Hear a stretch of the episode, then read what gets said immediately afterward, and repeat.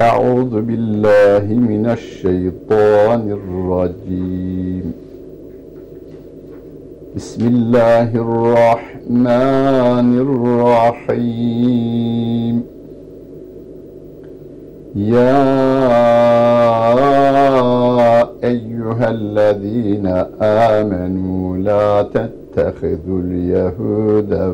والنصارى أولياء. بعضهم أولياء بعض.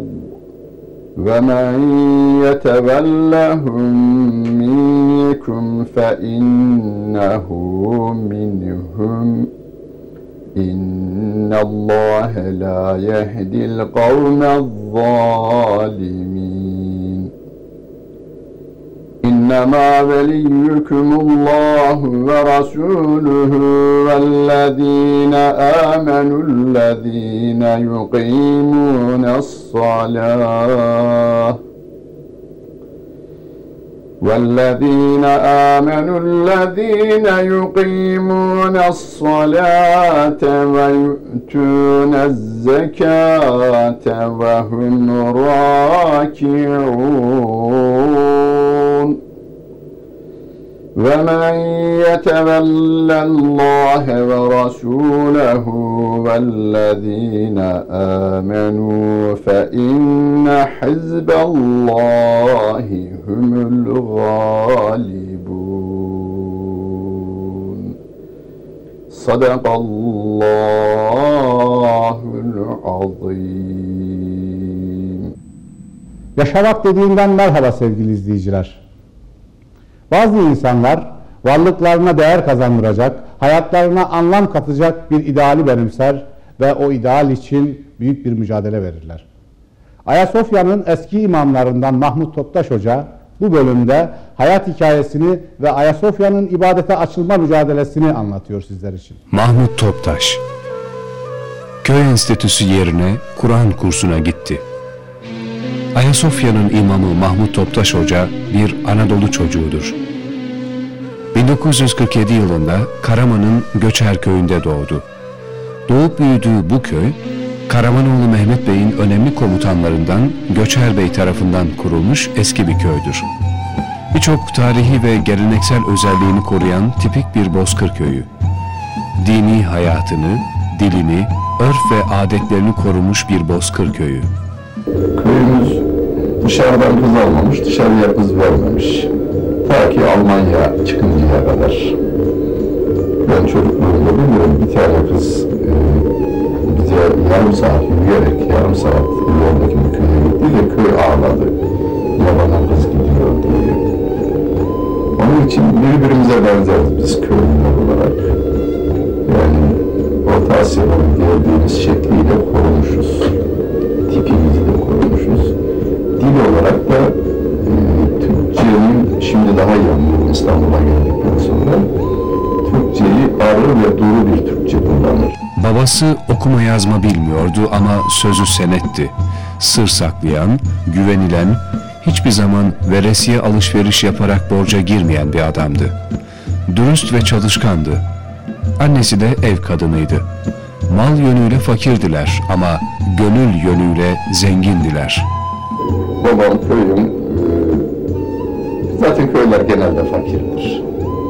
Ama orta derecede günlük bileğinin gücüyle geçimini temin eden ve beş, e, dört çocuğa bakan bir aile reisiydi. Dürüsttü, alnının teriyle kazanırdı. E, Yani dürüstlüğün sembolüydü. Onun için hala benim üzerimde etkisi çok babamın. Mahmut Hoca, biri kız, üçü oğlan, dört kardeşin en küçüğüydü. Hepsinin en küçüğüyüm ben. En büyüğümüz abim 40 1929 doğumlu. Şimdi 75 yaşında. Ee, tabii evin yükünü taşımaya ilk başlayan o. Onun küçüğü ablam. O da 1938 doğumlu. Onun küçüğü abim 1944 doğumlu. Ben de 47 doğumlu. En küçükleri benim. E, ve okuyanları da benim. Diğerleri ilkokulda işte bir sene okumuşlar, iki sene okumuşlar, üç sene okumuşlar. E, bu kadar okuma yazmaları var. Hepsi Kur'an okumasını e, bilir. İlkokulu da köyünde okudu. Tek öğretmenli, bütün sınıfları aynı derslikte topluca okudukları bir okuldu. Mahmut Hoca ilkokulu bitirince öğretmeni bu zeki ve çalışkan çocuk harcanıp zayi olmasın diye babasını ikna ederek köy enstitüleri imtihanına girmesi için büyük çaba gösterdi. Bir gün öğretmen, küçük Mahmut ve babası Karaman'a geldiler. Öğretmenim benim heba olmamam için çok uğraştı. Ona göre tabii heba olmama söz konusu. Babamı ikna etti. Yani Köy öğret eğitim hayatınızın devamını istiyor, devamını istiyor. Ee, köy okul, e, köy öğretmeni yetiştiren e, okullar vardı. Köy enstitüleri. Köy enstitülerine şehirli çocuğu gidemezdi, almazlardı yani kanunen almazlardı. Şehirden mezun olan çocuğu almazlar. Köylerden mezun olanları alırlardı. Hatta şehirde oturan bir aile çocuğunu köy enstitüsüne göndermek isterse 5. sınıfı köyde bitirttirirdi. Öğretmen benim elimden tuttu, babamı da aldı, şehre getirdi, imtihana sokacak. Benim için müracaatı falan da yapmış. Öğle namazı kılmak için Karaman'da bir camiye girdiler. Babasıyla önceden tanışan müezzin Ahmet Efendi, hoşbeşten sonra geliş sebeplerini sordu. Babası da oğlunu köy enstitüleri imtihanına kayıt yaptırmak için getirdiğini söyledi. Müezzin Ahmet Efendi o zaman 12 yaşında olan Mahmut Hoca'nın kaderini etkileyecek bir müdahale yaptı. Köy enstitüsü ile ilgili kanaatlerini söyleyip imtihana girmekten vazgeçirdi. Mustafa Bey, sen kendi elinle ateşe atabilir miyim, yakabilir miyim, yok dedi. İşte ateşe dedi. Çünkü o gün de yanında mıydın? Tabii ben yanındayım. Çünkü üçümüz namazdan çıktık. İlkokul 5. sınıfı bitirmişim, 59 yılı. Dedi ki işte bu imtihana girer ve başarır da giderse çocuğu ateşe atıyorsun sen dedi. O günlerde şeyin adı da tabii bilmiyoruz biz köyün ne demektir. Daha sonra öğreniyoruz. Özellikle sağ basından öğreniyoruz. Yani dinine, vatanına böyle hoş bakmayan insanların yetiştiğini oradan Son gençlik gençliğin bir fideli olduğunu daha sonra öğreniyoruz. Onun için hep e, hayır dua ederim ben Ahmet Hoca'ya. Ve Karaman'a her gidişimde de ziyaret ediyorum ve bunu da bir anlatırım yani. Sen sebep oldun benim bu yönelim olmama dedi. Bu da sevinir yani böyle bir işe sebep olmuşsak çok şükür bizim için de bir hayırla vesile olmuşuz demektir diye o da sevinir. İlkokulu bitirdiği 1959 yılının yazında köylerinde herkese evinde Kur'an-ı Kerim okumasını öğreten Mahmut Karaköse'den o da Kur'an okumasını öğrendi. Bu hoca bir hastalık sonucu iki bacağı dizlerinin üzerinden kesildikten sonra Kur'an okutmaya başlamıştı. Hoca değildi. Kur'an okumasını bilen bir insandı o. Dizlerinin üzerinden iki ayağı da bir hastalık nedeniyle kesilmiş. Yapayalnız kalınca köyün bütün çocuklarına Kur'an okuttular. Yani Kur'an onun son döneminde ona bir rahmet oldu, bize de rahmet oldu ayrıca. Ee, iki ayda diğer arkadaşlara yetiştireceğim diye beni de hatim indirdi. Her gün böyle çok acemice okuyarak ben ki daha sonra o harfleri düzeltmek için çok uğraştım.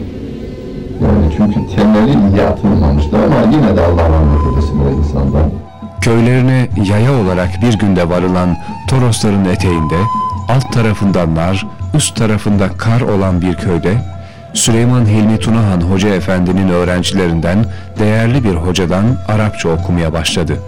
Köyde bir ev tutmuşlar, birkaç öğrenciyle birlikte kalıyorlardı.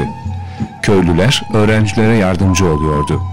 Dersi ağından ders almış bir hoca efendi o gün şartları içerisinde kendi evinde veya bizim kaldığımız evde medrese değil yani Süleyman Medresesi gözümüzün önüne gelmeyecek. Evet. Evimizde, kendi evlerimizde, kendi yemeğimizi yaptığımız yani öğrenci, öğrenci evinde bize e, tabi emsile dediğimiz yani fiil çekimi, Arapça fiil çekiminden başlamak suretiyle emsile, bina, avami, mahsude, sarkafiye e, gibi alet ilimleri diyoruz bunlara. Mantığımızı geliştirme konusunda da İsa Hoci diye bir e, kitap okutulur. Yani mantıktır normal üniversitede e, mantık dersleri verildiği gibi medresede de mantık dersi veriliyor. E, fıkıhtan e, Nurul İzah ve Huduri gibi Hanefi fıkhının en önemli eserlerinden özellikle Huduri en önemli eserlerinden biridir. Hala önemli bir eser olarak devam etmektedir. Onları o hanımefendi vardı, annemizden yaşlıydı. Hocası da ben görmedim, vefat etmiş. Şık hoca derlerdi. Medrese yani e, Ezher mezunuymuş. Yani Konya ve Karaman civarında isim yapmış değerli bir hocanın hanımıydı. Ben hocayı görmedim. O bizi kendi torunu gibi çamaşırlarımızı yıkardı o yaşlı kadın yani 65-70 yılda bir kadın yemeğimizi de yapmaya çalışırdı. Yani ben de şöyle derdim, ya cennetlik kadın bu dünyada görmek istenirse bu kadın olabilir. Yani biz hiçbir şey değiliz onun. Yaban köylerden gelmişiz. O bize bakardı. Yani torunlarından daha fazla bize değer verirdi. Diğer kadınlar da, diğer erkekler de bu tür yardımda bulunurlardı tabii ki. Ama tabii yine geçim yiyeceğimiz, içeceğimizi babam getirirdi sırtında veya bir merkebe yükleyerek getirirdi. Para yoktu zaten. Yani para o kadar fakirlik vardı ki iki buçuk lira dışlamazdı şeyde. Babamın cebinde iki buçuk lira dışlamazdı. Yani yiyeceğimiz şöyle gelir. Para olarak değil. Yani bir çuval un getirir. O ekmek yapılırdı. Ee, çalışırdı birine, tereyağı alırdı. Ondan para yok yine. Bu adama çalışır, ondan tereyağı alır, onu bize getirirdi. Daha sonra hocanın tayini çıktığından birlikte o da Karaman'a geldi. Karaman'da da yine Arapça öğrenimi devam etti. İmam Hatip Okulu'nun orta bölümünü imtihanlarla dışarıdan bitirdi. İlçeye geçişimiz 4 yıl sonra veya 5 yıl sonra yani 64 yılında geçtik. Ondan sonra e, orada 2 sene şeyde kaldık. E, Karaman'da kaldık. Yine hocamıza devam ediyoruz. Biz bir ev tuttuk. Orada arkadaşlarla kalıyoruz. Hoca efendi e, her gün bizim eve geliyor. Okuduk gidiyor. 67 yılında ortaokul diploması yani İmam Hatip orta kısmının diplomasını da alınca o benim okuduğum köyün yani Nahiye'dir orası. Nahiye'nin imamlık kadrosu açıldı. Hocam dedi, dedi ki katıl buraya. Katıldım ben o köye geldim. Diyanet İşleri Başkanlığı'nın açtığı müezzinlik imtihanını kazandı. 1966'nın 10. ayından 1967'nin 7. ayına kadar 8 ay Karaman'ın Bucak Kışla nahiyesinde imam olarak çalıştı. Müftülük ilan ediyor. Filan köy nahiyenin imamlık kadrosu boşalmıştır. İmtihan olacak olanlar filan gün filan saatte müftülükte hazır bulunsunlar. Ee, galiba 3-4 tane arkadaş gelmişlerdi. Çünkü fazla olamazdı. İmam Hatip hariçten bitirenler azdı o günlerde yalnız. Yani İmam Hatip'in orta kısmını bitirmiş insan sayısı az olduğundan 4 veya 5 kişi katıldık. Ee, Müftü Efendi bazı sorular soruyor, sözlü. Sözlü ve neticede sen kazandın denildi, ben de oraya gittim. İlkokul diploması olan değerli, benden değerli hocalar da olsa bir kere ortaokul diploması olan olduğu için şeye giremiyor.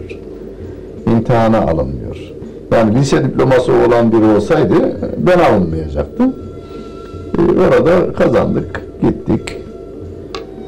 Ee, orada Bildiğiniz bir köye gidiyorsunuz. tabii bildiğim bir köye gittim. Köylü beni bağrına bastılar. Çünkü her şeyimi biliyorlardı onlar. Mahmut Toptaş Hoca, öğretmeninin öncülüğünde köy enstitüsü kökenli bir öğretmen olacakken, ailesinin yönlendirmesiyle bir köy imamı olmuştu. O artık kendini din hizmetlerine adayacaktı. Eğitimini tamamlayıp bir köye imam olarak atandığı yıl askere gitti. Askerde bir tiyatro oyunu yazıp sahneledi. Asker dönüşü de bir mahalli gazete çıkardı. Adeta yavaş yavaş yazarlığa ve bir mücadeleye hazırlanıyordu. Artık 20 yaşında bir delikanlı olan Mahmut Hoca, 1967 yılının Temmuz ayında jandarma eri olarak askere alındı.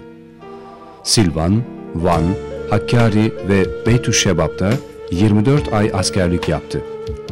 Askerlik boyunca Kışla'daki camide imamlık yaptı, subay ve erlere vaaz verdi.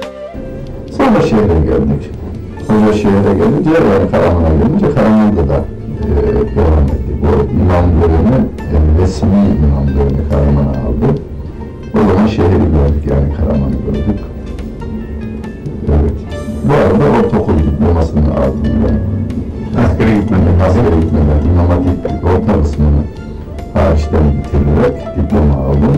Ve aynı nahiyeye imam olarak, resmi imam olarak atandım 1967 yılında. Orada 9 ay veya 10 ay e, imamlık yaptıktan sonra askerlik sınavı geldi. Askere gittim. Askerlik jandarma olarak, jandarma eri olarak Silvan, Van ve Hakkari ve Beytüşşebat'ta askerliğimi bitirdim. Askerliğimde işte Rabbim lütfediyor. O günlerde iyi bir hoca değildik ama mevcudun iyisiymişiz demek ki biz. Hakkari'ye gönderildik. Tayinimiz oraya çıktı. Ee, Çorumlu Alevi olduğu söylenen İbrahim Baskın albay var komutanı. Da adam. Yani adam gibi bir adam. Yani sevdiğim bir insandır o. Ben oraya vardım. Bir hafta geçti, hoca olduğum duyuldu tabii. Bir nöbetçi subayına biri emir vermiş. Kim verdiğini bilmiyorum ben. Hala öğrenmedim onu. Tahmin ediyorum. Ee, Kurmay Yarbay Mehmet Sancaktar olduğunu tahmin ediyorum. O emir veriyor nöbetçi subayına. Albaydan sonra ikinci yetkili o ama kurmay olması nedeniyle de itibarı şeyden fazla. Albaydan fazla yarbayım. Bu akşam işte 12. bölükte Mahmut Toptaş dini bilgiler versin. Asker. İkinci, dördüncü bölükte dini bilgiler versin. Manda bölümünde dini bilgiler versin. Ben orada 8 ay kaldım. Her akşam yani şey alay medreseye dönüştü orada. Böyle bir hal aldı. Hakkari'deyken 51 nolu Hudut Taşı Aslanları diye bir tiyatro eseri yazdı ve alay komutanı Albay İbrahim Baskın'ın izniyle bir gece subay ve erlere, bir gecede Hakkari halkına sahneledi. 51 numaralı Hudut Taşı Aslanları bir tiyatro yazdım askerden. Bir dilekçeyle albaya takdim ettim. Yani izin verilirse, imkanlar da sağlanırsa ben bunu e, oynatabilirim dedim. Peki nereden? Hiç tiyatro seyrettim? Hiç seyretmedim tiyatro seyretmedim ama Hakkari'de sinema seyrettim ben. Ee, bunu dedim, tiyatro varmış, bunu da canlı olarak oynatılmış, bunu yaparım ben dedim. İzimle çıktı. Orada halka, e, subaylara ve erlere üç defa oynattık. Aslında biz Beytüşşebab'ın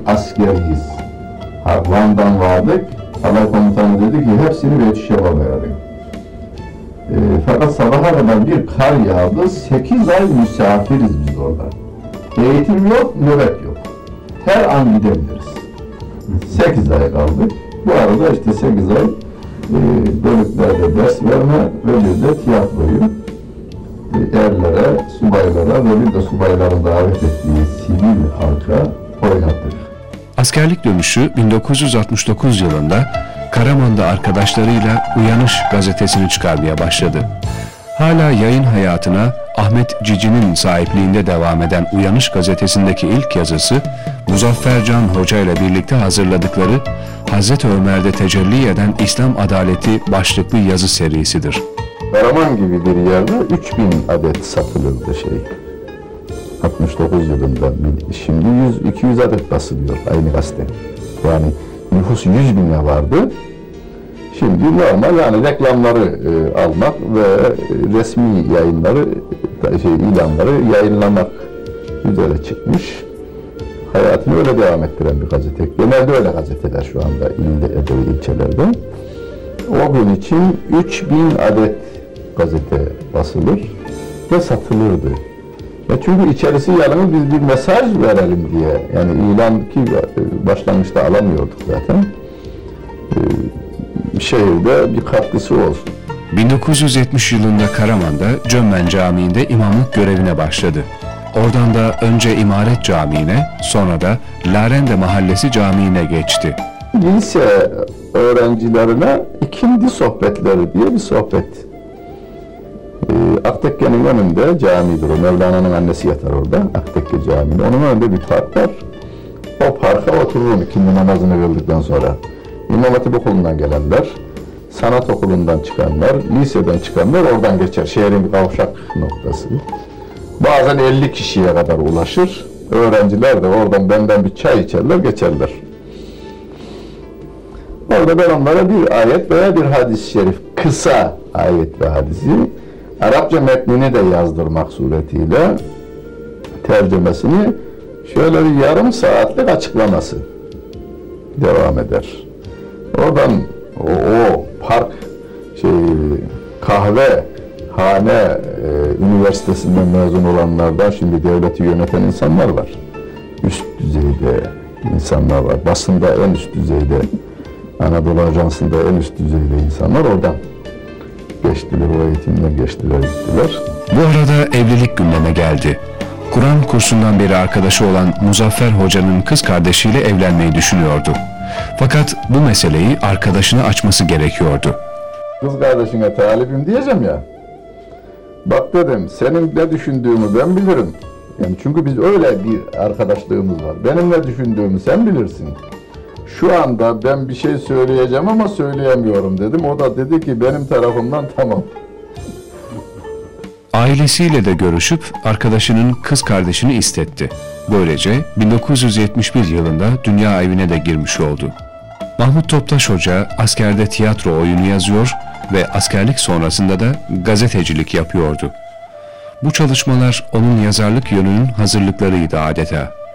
Bir yandan Karaman'da imamlık görevini yerine getirirken bir yandan da kalem kullanmada ustalaşıyordu çünkü. Dünya olaylarını, ülkenin gidişatını ve çağdaş İslam düşüncesini yakından izliyordu.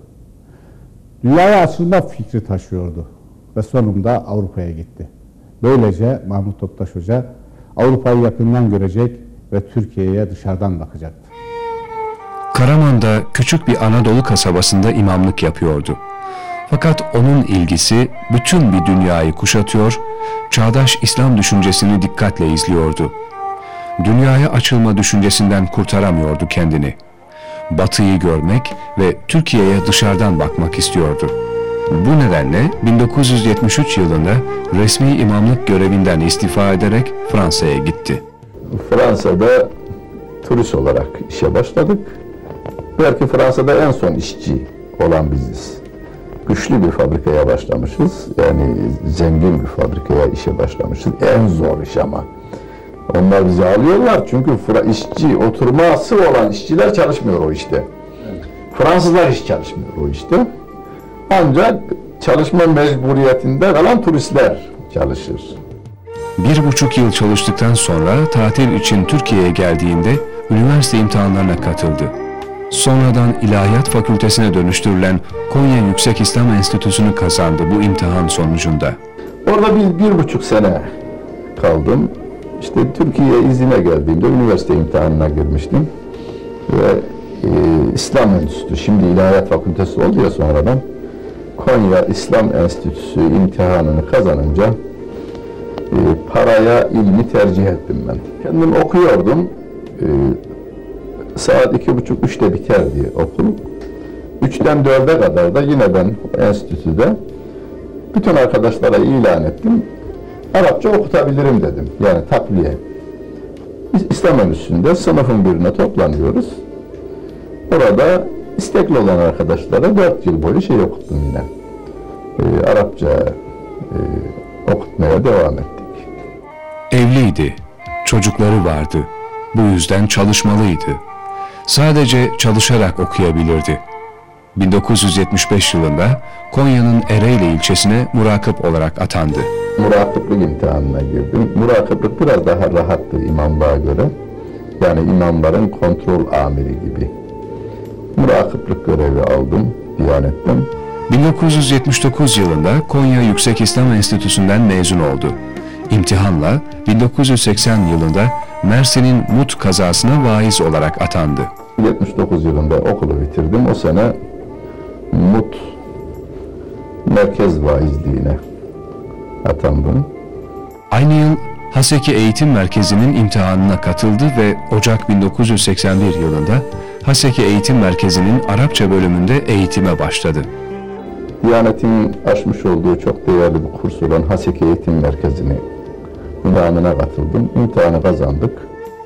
Haseki Eğitim Merkezi'nde eğitim alıp değerli hocalardan istifade etmek için çok çalışırken bir yandan da üniversite öğrencilerine de sohbetler ve konferanslar verdi. Karaman'dayken tanıdığım üniversite öğrencilerini, e, lise öğrencileri üniversiteye gelmişlerdi. Burada onlara sohbet yapmaya devam ettik.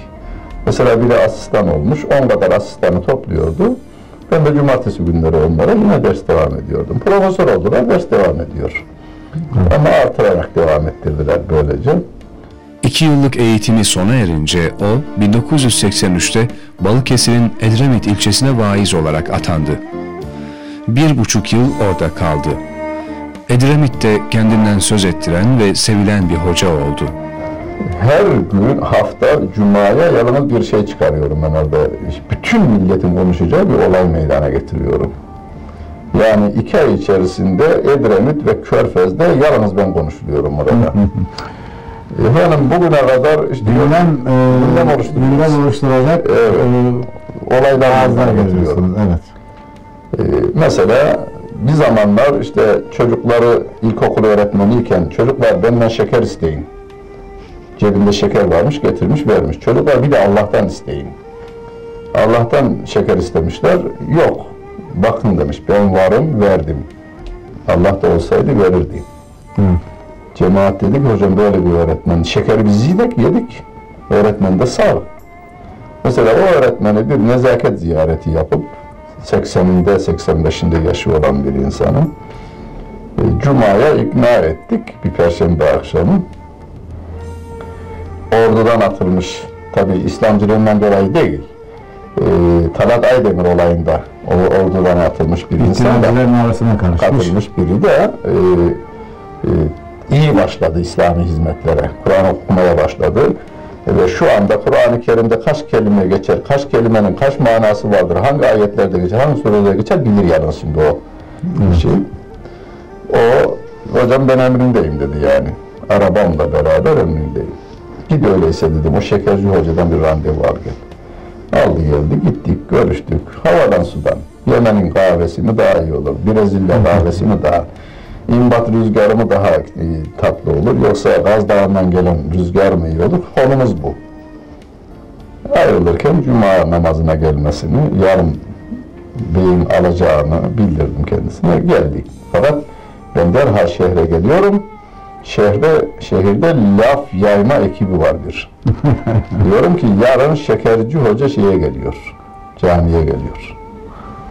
Tabi şehir onu herkes tanıyor, gelmesini hep istiyor. Edremit halkı dinine bağlı insanlardan oluşmuş. E, medeni insanlar bunlar. E, doğuyu batıyı iyi bilen şehirdir Edremit şehri. Derken cami içi, dışı, avlusu, yol oluyor. Kayınbiraderi Nebi Can, siyasalda okurken geçimini temin etmek için bir yayın evinde çalışmıştı. 40 yıllık arkadaşı ve akrabası milli güreşçimiz Muzaffer Can Hoca ve kardeşi Nebi Can'la beraber üçü güç birliği yapıp Cantaş Yayın Evi'ni kurmaya karar verdiler. Bu arada Mahmut Toptaş Hoca da Ecremit'te vaizlikten istifa ederek İstanbul'a geri geldi.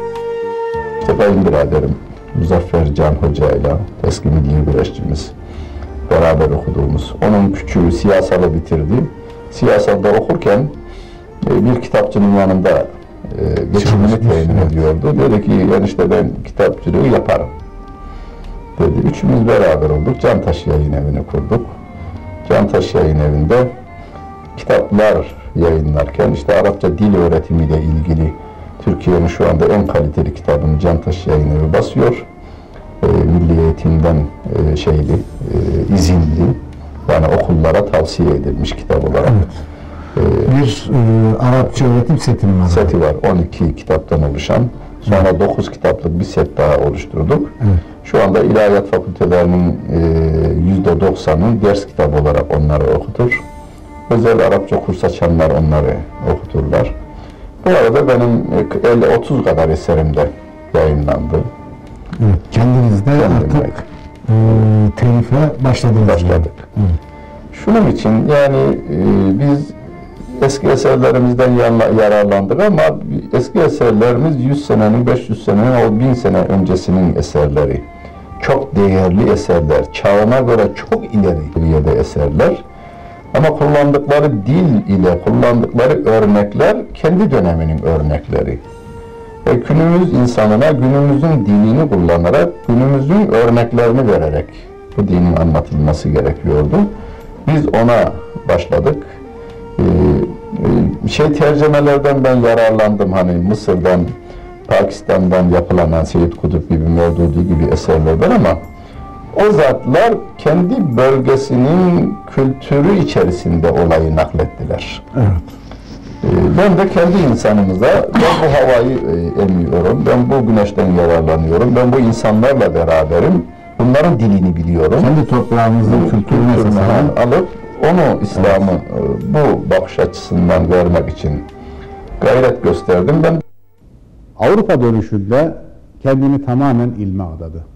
Üniversite eğitimi aldı ve İslami ilimlerde derinleşmenin yollarını aradı. Vaizlik yapıyordu bu arada. İbadete kapalı olan, bir müziğe çevrilmiş bulunan Ayasofya'ya imam olma fırsatını yakaladı. Artık onun bir ideali vardı. Ayasofya'nın ibadete açılması davası. Mahmut Toptaş Hoca Karaman'a sığmadı.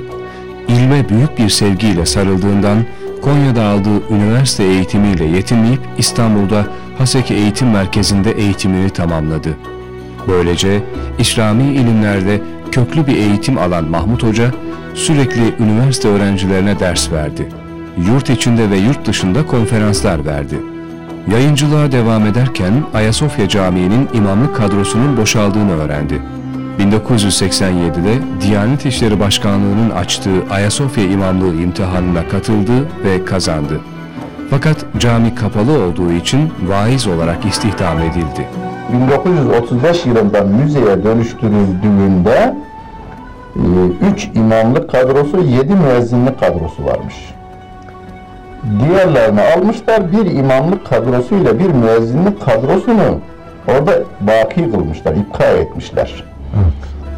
Görevli var, orada değiller, maaşlarını alıyorlar, e, vakıflardan alıyorlardı o günlerde, e, görev yapmıyorlar. Derken 51 yılında müezzinlik kadrosu alınmış, imamlık kadrosu devam etmiş gelmiş. 1988 yılında kadro açılınca ben talip oldum. Ayasofya İstanbul'un fethinin sembolü olan bir mabetti. Ne yazık ki Batı'nın baskıları yüzünden günümüzde kapalıydı. Mahmut Hoca 4 yıl Ayasofya üzerine okudu, düşündü ve Ayasofya'nın açılmasını dava haline getirdi. Şimdi niçin kapatıldığı çok önemli yani. Evet. Belki Ayasofya'yı baştan konuşalım o zaman. Evet. Ee, Şimdi 1928 yıllarında e, Vittomore diye Amerikalı bir e, profesör, aynı zamanda papaz profesörmüş o adam. Yani kiliseden gelme profesör. Ee, Amerika'da Bizans'ı İhya Enstitüsü diye bir enstitü kuruyor. Bu. Sonra Türkiye'ye geliyor. Türkiye'de yetkililerle görüşüyor ve diyor ki biz Ayasofya'yı e, restore etmek istiyoruz şeye karışmıyorlar yani cam, müze yapalım falan demiyorlar. Restore etmek istiyor. Bütün masraflar bize ait olmak üzere diyorlar. Türkiye'de bunu kabul ediyor. 28 yılında başlıyorlar. 35 yılına kadar şey devam ediyor. Restorasyon işi devam ediyor. İbrahim Hakkı Konyalı diyor ki bizi hiç katmadılar. Gazeteciyiz biz diyor. İbrahim Hakkı ünlü tarihçimiz. İçeriye hiç almıyorlar. Türk gazetecileri şeyi almıyorlar restore nedeniyle kapalıdır. diyorlar ve bizi içeri almıyorlar. Her gün arabalarla sıcak somun ekmek gelirdi şeye. Ayasofya'ya. Benim dikkatimi çekti bu diyor. Oğlum içeride kaç kişi var? 15 kişi. Bu kadar ekmek niye girer? E iştirmiş adam. Sonradan öğrendim. Yani bizim bir Türk işçisinden öğrendim. Sıcak sıcak ekmekleri alıp sıcağıyla duvara e, yapıştırırlarmış. E, sıvayı alıp sıvayla daha önce yapılmış yerler kapatılmışmış. Ayasofya camiye çevrilince. Daha önce yapılmış resimler var. Onların üzeri kapatılmışmış. Yani tık tık tık vurarak açmak zarar verecek. Sıcak ekmek yapışırmış diye hmm, sıvaya sıvayı alıverirlermiş üzerinden. Ve bu günlerce devam etti diyor. Derken işte 35 yılına kadar şey zemini de hazırlanmış. Ankara'daki siyasilerin ikna zemini de hazırlanmış. Ve 1935 yılının yine bir Ocak ayında, şey Şubat ayında müzeye değiştirilmiş, değiştirilmiş. Ama şey yok. Yani Bakanlar Kurulu kararıyla der bazı yazışmalarda e, bugüne kadar Bakanlar Kurulu kararının sayısını ve numarasını veren yok. Ayasofya'da e, adeta bir ayrı uygulama var diyorsunuz. Ayrımcılık var Tabii tabii. mesela orada bir haçın ucu hafif şöyle e, kararmaya yön tutulsa o derhal düzeltilir. Ama mesela bizim namaz kıldığımız bölümde belki resimlerini almıştım. E, kayboluyor. Yani duvara Osmanlı ressamlarından bir tanesi bir tarafa Mekke'nin resmini, bir tarafta Mekke'nin, Medine'nin e, foto şey olarak el, elle e, duvara işlemiş. O rutubetten yarısı dökülmüş birinin gitmiş de birini ben fotoğrafını kaydettim yani. Belki bende kaldı yani o fotoğraf. Kamuoyu oluşturmaya çalışıyorsunuz. Gazetelere demeçler veriyorsunuz. Evet. İbadete açılması için bir çabanız var Derken Ayasofya'nın. telefon trafiğiyle şey açıldı. Telefon trafiğiyle yazışma yok. Telefon trafiğiyle Müftü Efendi bana dedi ki pazar günü öğle namazı ve orada hazır bulun. Ee, Ben resmi yazı olmadığı için dedi tepkimi göstermek üzere gelmeyeceğim. Yani e, üzgün olduğu için yani niye resmi yazıyla bu iş olmuyor? E, resmi yazı olsa bir belge olacak epey e, ileriki zamanlar için. Derken ben öğle namazında gittim. Hoparlör de yok daha. Caminin önünde, kapının önünde e, orada ama ezanı okuduk. Gelenlerle namazımızı kıldık. Fakat ilk cuma çok şaşalı olacağını Yani biliyorlar. o pazar namaz Kıldık başlama başlamış Başladık, oldu. Beş vakit artık Kıldırdım. orada kılınacak. Akşamı da ikindiyi, akşamı yatsıyı kıldırdım, sabah namazını kıldırdım. Ve cuma günü ben ön tarafın da dolu olacağını, yani dışarının, e, o çeşme var, e, Çeşmesi karşıda. Yani Topkapı'ya girerken sağ taraf çeşme, sol taraf camiye giren. Aslında Ayasofya'ya e, geldiğinde padişahın attan inip bindiği ve Sultan Mahfili'ne geçtiği yerdir ibadete açılan yer. Sultan Mahfili değil. O gün için basını, o günün bakanı kandırdı. Sultan Mahfili'ni açıyoruz diye. Halbuki aşmadığını çok iyi biliyordu. Sultan Mahfili'ne geçen kocaman bir kapı var. Kapıyı belki kırarlar bu cemaat diye bir de o mermerleri tahrip ederek demirden kapı yaptılar. Bozuluyor yani tarih. Tabii yani demir e, şeyler geç. Ben onların resimlerini çektirdim basına. Bir kısmı yayınladı, bir kısmı basına yayınlamadı tabii onun için. E, derken açılış yapıldı. Cuma gün e, içerisi, içerisi de olunca 150 kişi alır. Dışarısı çeşmenin oraya kadar yol tamamen doldu. Ben öyle olacağını bildiğim için daha önceden hoparlör teşkilatını dışarıya duyurabilecek şekilde ve bir de e, namazı kıldırırken seccademi alıp ön tarafa geçeceğim milletin önüne dışarıya çıkıp namazı kıldıracağız. Basın iyi ilgi gösterdi yani e, sağından soluna kadar. Bütün basınımız dedim ki cemaat siz Ayasofya'da namaz kılmak için geldiniz ama burası Ayasofya değil. Ayasofya diye yapılan e, ve 537 yılında yani İslamiyet'ten önce binası tamamen yapılıp ibadete açılan yer burası değil. Ayasofya şu duvarın arka tarafıdır. Siz Osmanlı döneminde ilave edilen padişahımızın gelip de sultan mahfiline geçtiği yerde namaz kılıyorsunuz. O zaman Avrupa Birliği değil, Avrupa topluluğuydu. Avrupa topluluğunda bizi ata almayanlar, padişahımızın at bağladığı yerde namaz kılmamıza izin veriyorlar. Yönetmelik yok, bakanlar kurulu yok, tamin dahi yok yani. Evet.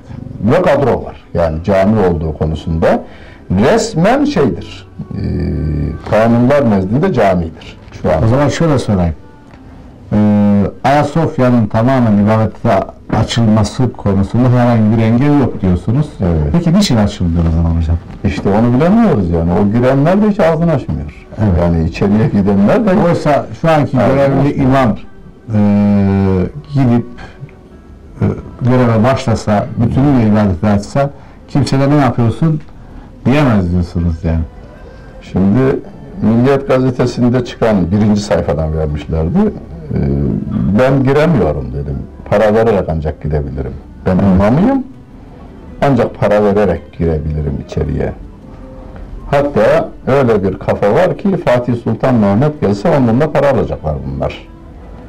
Ee, dedikten sonra hayır Fatih gelse girmesini bilir diyorum. Şubat 1991 yılında caminin küçük bir bölümü ibadete açıldı. İki ay görev yaptı. Ne var ki dönemin Kültür Bakanı Namık Kemal Zeybey'in Diyanete baskıları neticesinde Ayasofya imamlığından ayrılmak zorunda kaldı. 1995 yılında İstanbul Merkez Vaizliğine atandı. Ocak 1999 yılında da resmi vaizlikten emekli oldu. İstanbul Merkez Vaizliğine geçtim. İstanbul Merkez Vaizliği demek yani Tuzla'dan Büyükçekmece'ye kadar her yerde yine İstanbul Müftüsü'nün bilgisi dahilinde tabii. Yani sen daha önceden bildiriyorsun şu camide konuşmak istiyorum diye. E, vaaz edebilen bir e, vaizlik kurumudur, müessesesidir. Orada vaizliğimize devam ettik. Hala millet beni bilir Ayasofya Camii imamı. Hatta sonra gelen şu andaki imam bile hocam orada burada Ayasofya Camii imamıyım diyorum. Yok biz biliyoruz oranın imamı Mahmut Toptaş Hoca diyor. evet. Gündeme getirmeden dolayıdır. Yoksa çok değerli hocalar geldiler oraya imam olarak görev yaptılar.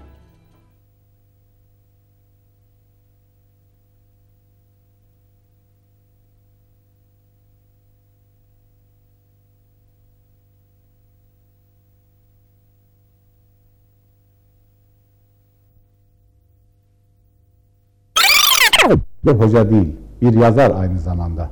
Bugüne kadar 8 ciltlik Şifa Kur'an-ı Kerim Tefsiri isimli eseri başta olmak üzere 30'a yakın kitap yayınladı. Hocanın rahmetlisi olur da emeklisi olamaz diyen Mahmut Toptaş Hoca, haftada beş gün bir gazetede kendine ayrılan köşede yazılar yayımlıyor. Bir radyoda Cuma günleri Şifa Tefsiri adlı programda sohbetlerine devam ediyor. Hafta sonları da İstanbul dışına konferanslara gidiyor.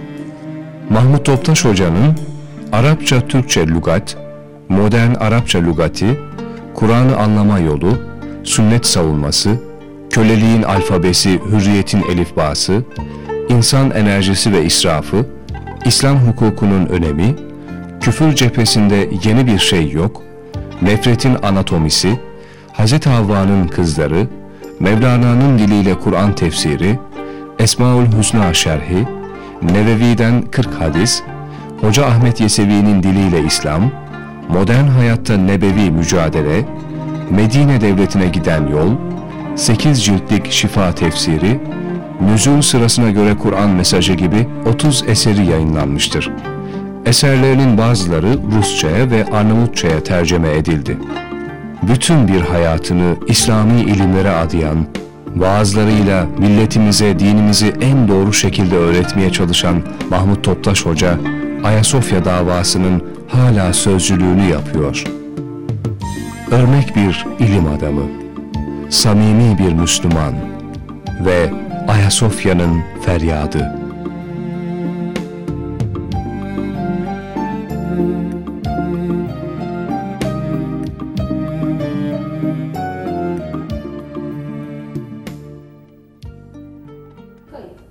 Yaşamak dediğinin bu bölümünde Ayasofya eski hocalarından Mahmut Toptaş Hoca, hayat hikayesini ve verdiği Ayasofya'yı ibadete açma mücadelesini anlattı sizler için. Bir başka konukla yine ilginç bir hayat hikayesinde görüşme dileğiyle. Hoşçakalın.